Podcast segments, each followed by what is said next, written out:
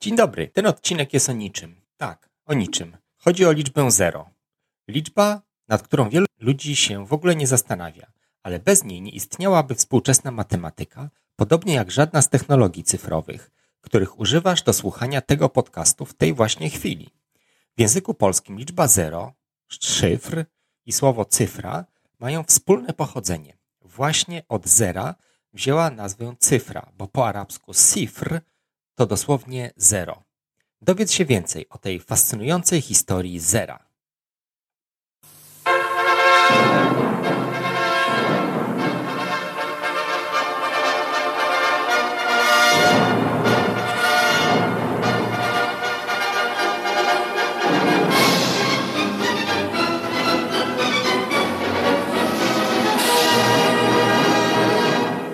Zero jest stosunkowo niedawnym wydarzeniem w wielkim marszu ludzkości przez swoją naukę.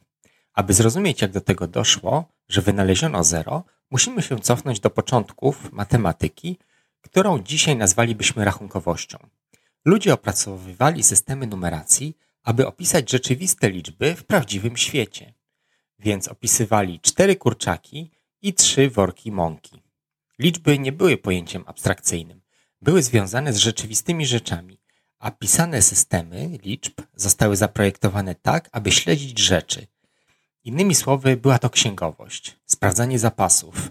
Nie ma potrzeby opisywania czegoś, czego nie ma, zera czegoś. Jeśli czegoś nie miałeś, po prostu tego nie miałeś, nie pisałeś o tym. Nie ma potrzeby prowadzenia zapisów niczego, rejestrów niczego. Pomysł nieposiadania czegoś nie jest skomplikowany. Już dzieci uczą się o zerze, gdy tylko nauczą się liczyć. To jest dosyć łatwa idea do zrozumienia.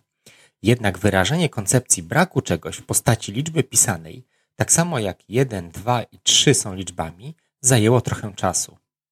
Zajęło dużo czasu. Podstawowym zastosowaniem zera dla nas jest reprezentowanie braku wartości w liczbie. Zero w liczbie 201 oznacza, że nie ma nic w dziesiątkach tej liczby. Jest zero dziesiątek. Dwie setki, zero dziesiątek, jedna jedność.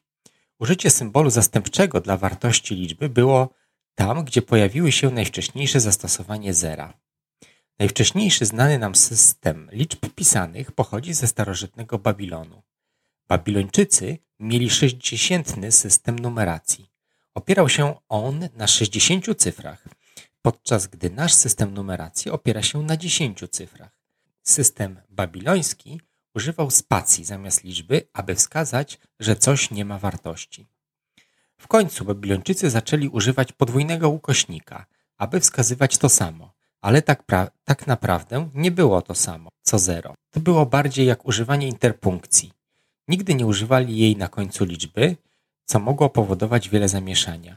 Jedynym sposobem, w jaki można było odróżnić liczby, był kontekst. I tak, jakby nie znać różnicy między 420 i 42 w naszym systemie liczbowym. Zero jest tym, co mówi nam o wielkości danej liczby. Inne kultury niezależnie opracowały ten system zastępczy dla swoich liczb pisanych. Wcześniej Majowie w Ameryce Środkowej rozwinęli podobny charakter zastępczy, który tak naprawdę nie funkcjonował tak samo jak prawdziwe zero. Chińczycy, podobnie jak Babilończycy, po prostu zostawiali miejsce, w którym powinna się znajdować wartość, zamiast używać rzeczywistej liczby dla zera. Pierwszy prawdziwy zapis prawdziwego zera pochodzi z Indii. Rękopis Bakshali, starożytny tekst matematyczny napisany na korze brzozy, używa symbolu kropki jako zera. Datowanie węglem tego tekstu pozwala na umieszczenie go na około 250 rok naszej ery. Inny indyjski tekst, Aravahita, jest pierwszym zarejestrowanym użyciem zera w systemie dziesiątkowym. System ten pochodzi z około roku 500 naszej ery, a Aravahita wyjaśnia nawet użycie systemu dziesiątkowego, mówiąc z miejsca na miejsce każdy jest 10 razy większy od poprzedniego. Osoba, którą przypisuje się odkrycie zera, które znamy dzisiaj, jest indyjski matematyk i astronom Ramagupta. Opracował najwcześniejszą koncepcję zera, nie tylko jako symbolu zastępczego, ale jako pełnowymiarowej liczby, wraz z regułami matematycznymi. Jednym z miejsc, które zauważysz jest bardzo nieobecne we wczesnym rozwoju zera, jest Europa. Europejczycy bardzo spóźnili się na imprezę urodzinową zera i przyjęcie systemu liczb po przecinku. Nie było prawdziwego, niezależnego systemu zerowego, który by się rozwinął. Dla starożytnych Greków problem zera był czysto filozoficzny. Nie miały zerowej ani nawet zastępczej wartości w swoim systemie numeracji ani Grecy, ani Rzymianie. Bardzo trudno im było pogodzić się z ideą niczego. W rzeczywistości debaty o niczym i fizycznej koncepcji próżni trwały do średniowiecza w Europie. Większość słuchających tego jest przynajmniej trochę zaznajomiona z liczbami rzymskimi, które również nie mają zera. Liczby rzymskie dobrze nadają się do numerowania wieków, ale są okropne do robienia takich rzeczy jak mnożenie czy dzielenie. Droga zera przyszła do współczesnego świata przez Arabów i Persów. Przyjęli system dziesiętny stworzony w Indiach i sami zaczęli go używać. Perski matematyk Muhammad ibn Musa al-Khwarizmi napisał tekst, który stał się źródłem do użycia dziesiętnego systemu numeracji. Książka zatytułowana Al-Khwarizmi o numerach Indii została ostatecznie przetłumaczona na łacinę i była głównym narzędziem popularyzacji indyjskiego systemu liczbowego. Liczby zerowe i dziesiętne ostatecznie dotarły do Europy w XI wieku, w maurytańskiej Hiszpanii, w Andaluzji. Ponieważ zostały przywiezione do Europy przez Arabów, stały się znane jako liczby arabskie, mimo że numery pierwotnie pochodziły z Indii. To włoski matematyk Fibonacci, znany także jako Leonardo Spisi, był pierwszym europejskim matematykiem, który naprawdę przyjął zero w hindusko-arabskim systemie liczbowym. Faktem było, że w tym systemie było o wiele łatwiej zrobić matematykę niż w przypadku liczb rzymskich. W XV wieku większość matematyków w Europie używała zera w liczbach hindusko-arabskich, ale większość ludzi biznesu nadal używała liczb łacińskich, rzymskich, cyfr do księgowości. Dopiero gdy rozkręcił się renesans w XVI wieku, Zero w systemie liczbowym zostało w pełni przyjęte w całej Europie. Zero to unikatowa liczba o właściwościach, których nie ma żadna inna liczba. Wszystko pomnożone przez zero jest zerem. Wszystko, co zostanie dodane do zera, jest oryginalną liczbą. Nie można dzielić przez zero.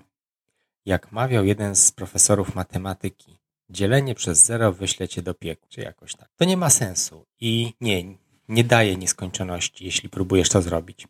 W rachunku różniczkowym zero podzielone przez zero może mieć wartość zależną od używanej funkcji, ale wykracza to daleko poza zakres tego podcastu. Ci z Was, którzy wzięli rachunek różniczkowy, pamiętają o regule Delopitala. Wszystko do potęgi zera jest jednością, a zero do potęgi czegokolwiek jest zerem. Zero jest jedyną liczbą, która nie jest ani dodatnia, ani ujemna. Zero jest jednak liczbą parzystą. Spełnia wszystkie wymagania liczby parzystej – jeśli usiądziesz i pomyślisz o tym na spokojnie.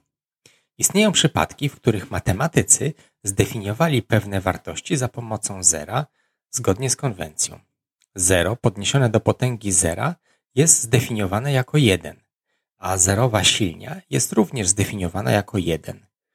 Pierwiastek kwadratowy z zera wynosi tylko zero.